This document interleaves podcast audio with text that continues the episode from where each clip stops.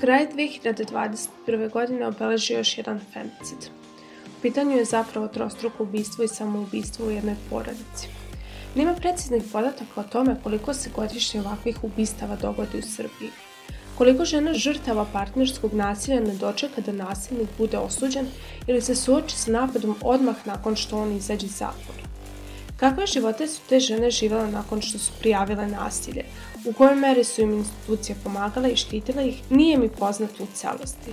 Ali u isto vreme, strašno i poražavajuće mi je ono što znam i što sam čula i videla u neposrednom okruženju. Iako smo svesni da problem postoji, on se godinama ne rešava. A u prilog tome govori i to što je u prethodne četiri godine ubijeno preko 25 žena.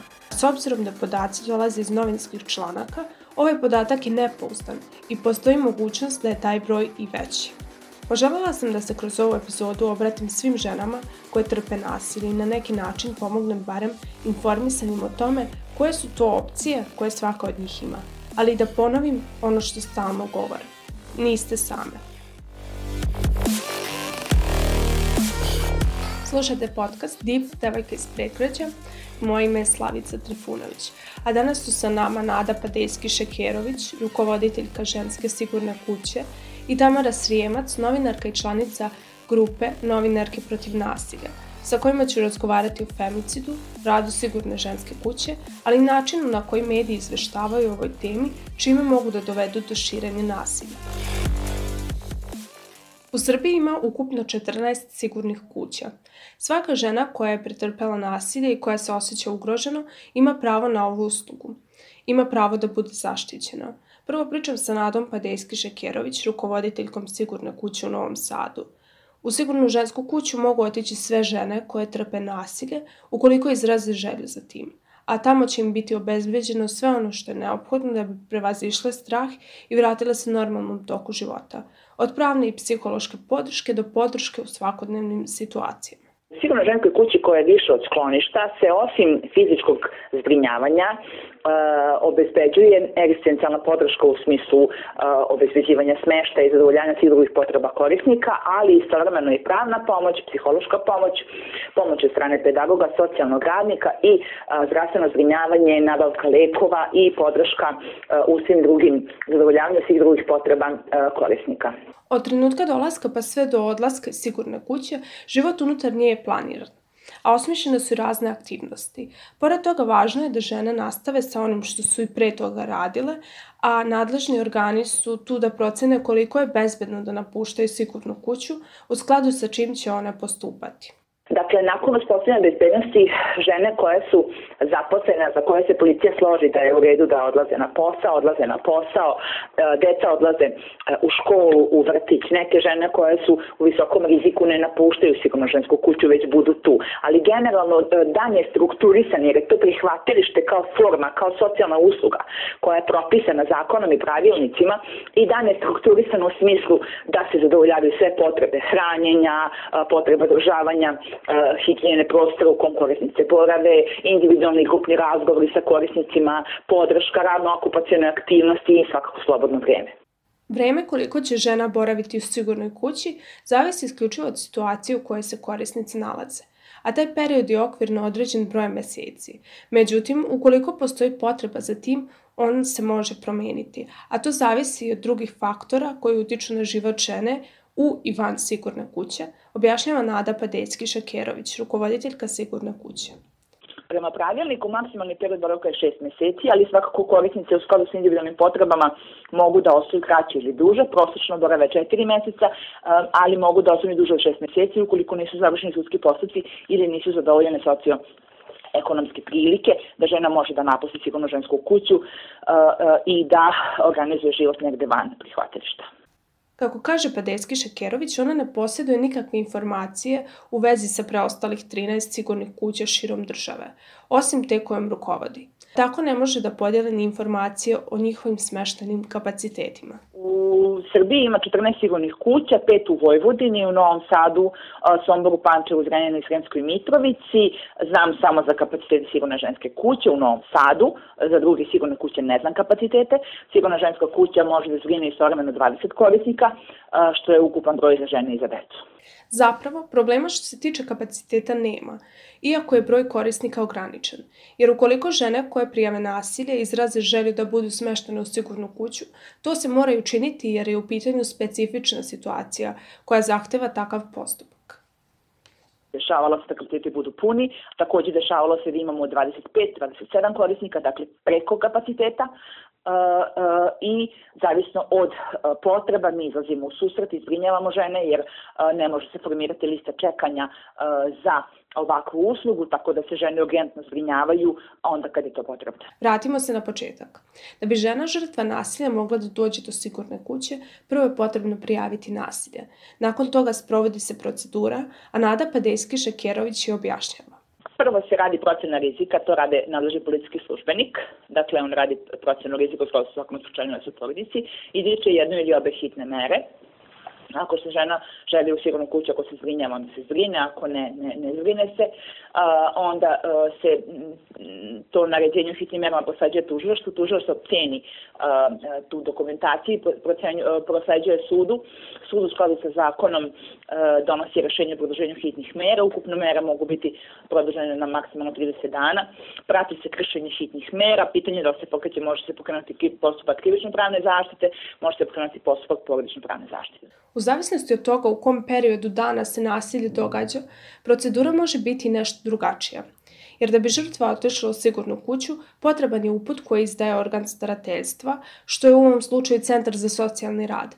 Međutim, ako se napad dogodi noću, onda se odmah postupa po želji žrtve nasilja, a tek nakon toga se papirološki deo rešava prema zakonu o socijalnoj zaštiti za korišćenje neke usluge socijalne zaštite neophodan je uput organa starateljstva, odnosno Centra za socijalni rad. Um, uput svakako jeste uh, preduslov, ali uh, nasilje je takav fenomen da kada se desi, na primjer, tokom noći, tokom dana, nasilje se prijavi policiji. Policija tada izlazi na teren, u svojim prostorijama uzima izjavu od počinioca i žrtava nasilja.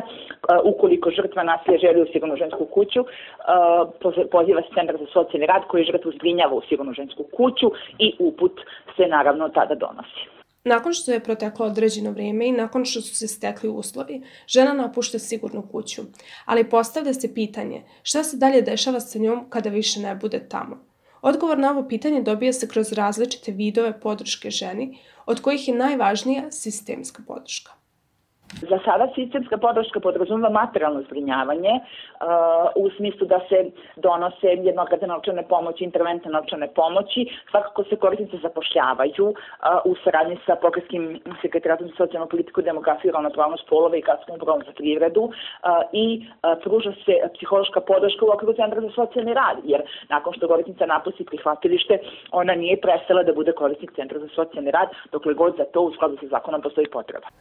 Upoznali smo se sa radom Sigurne kuće, a važnu ulogu kod nasilja u porodici i femicida igraju mediji i njihovo izveštavanje o slučajevima nasilja. Tu nastupa Tamara Srijemac iz organizacije Novinarke protiv nasilja.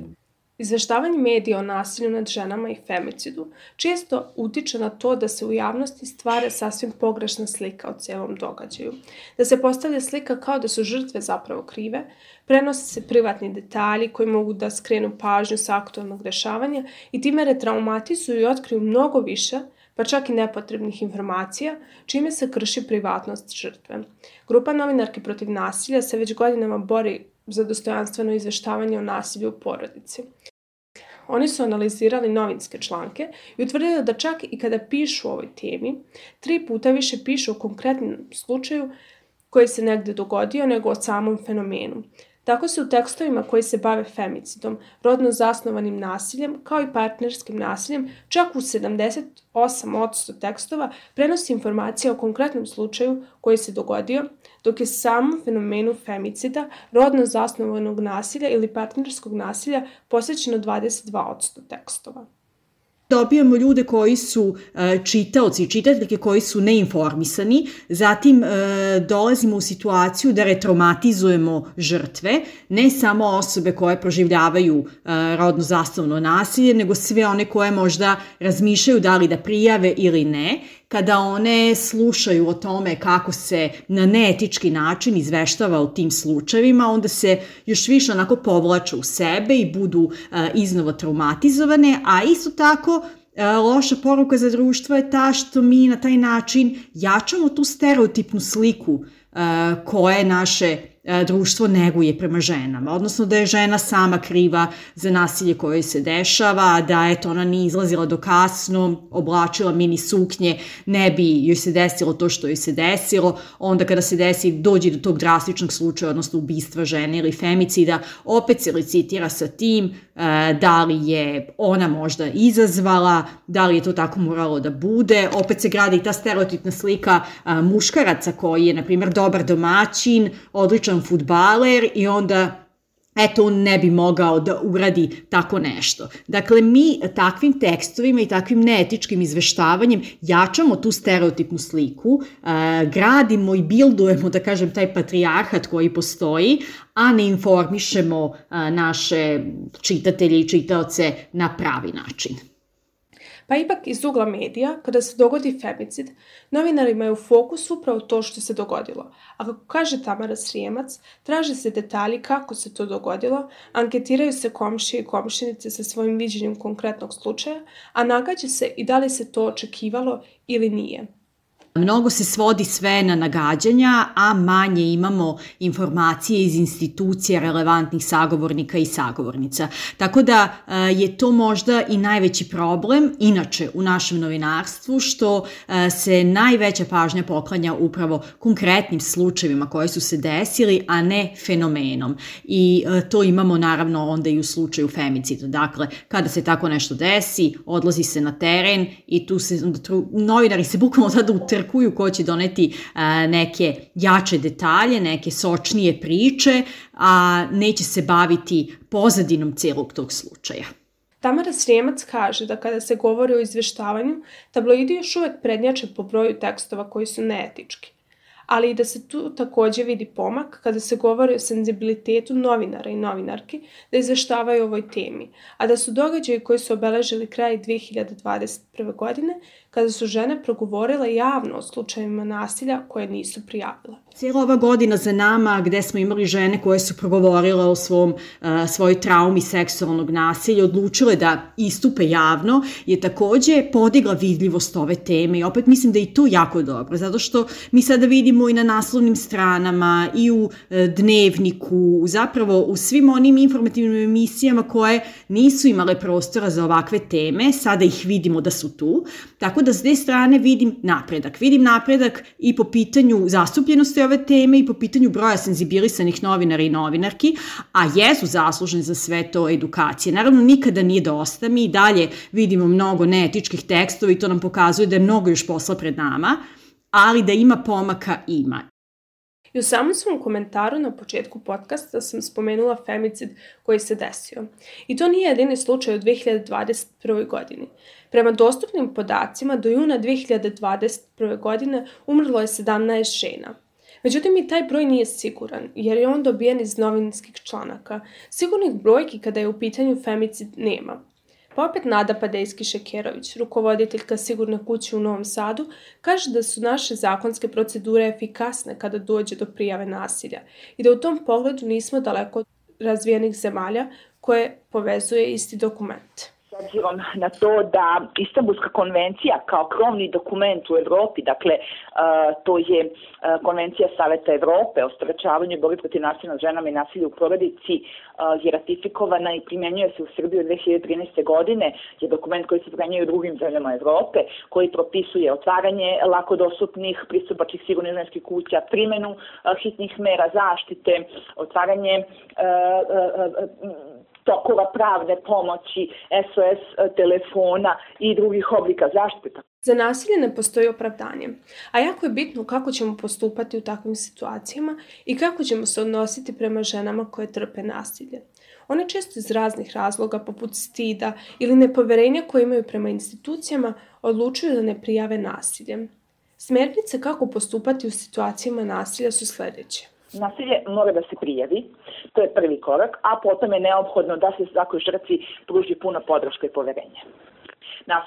Se pri na policiji na broj 192, sigurno ženskoj kući na broj 0216465746, centru za socijalni rad na broj 0212101403 ili bilo koje drugoj instituciji, jer i lekar je dužan da prijavi nasilje vaspitačice u vrtiću ukoliko dobije tu informaciju u školi.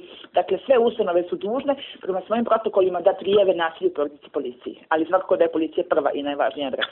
Ponekad žene ne prijavljuju nasilje dugo, sve dok ne dođu u situaciju iz koje često nema izlaza. Čak i kada se nađu u situacijama gde su ugrožene, one se ne odlučuju za sigurnu kuću.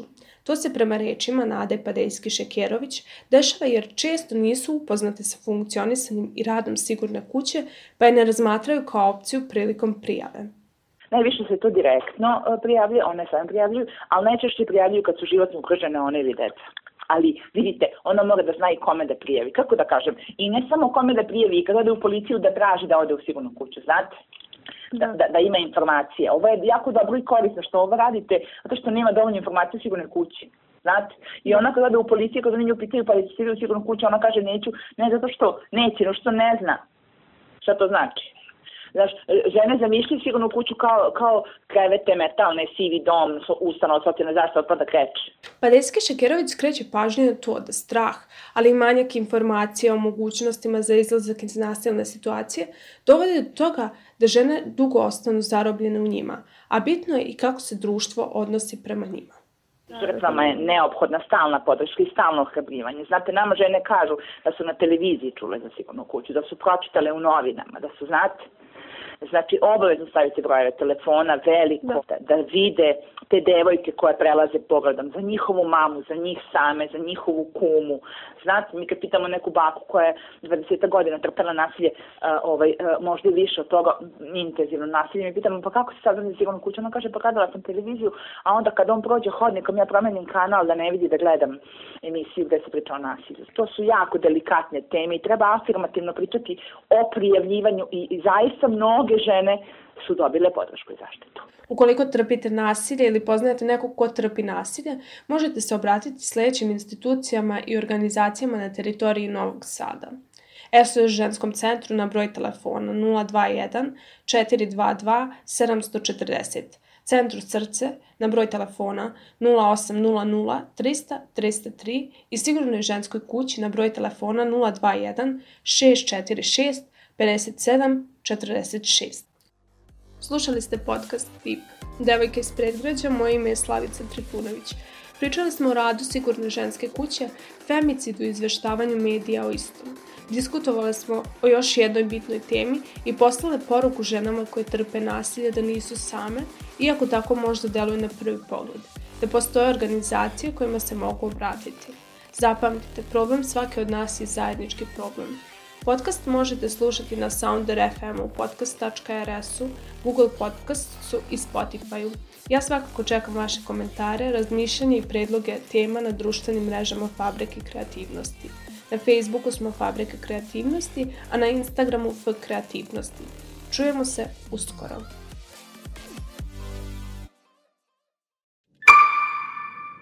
Produkcija Fabrika kreativnosti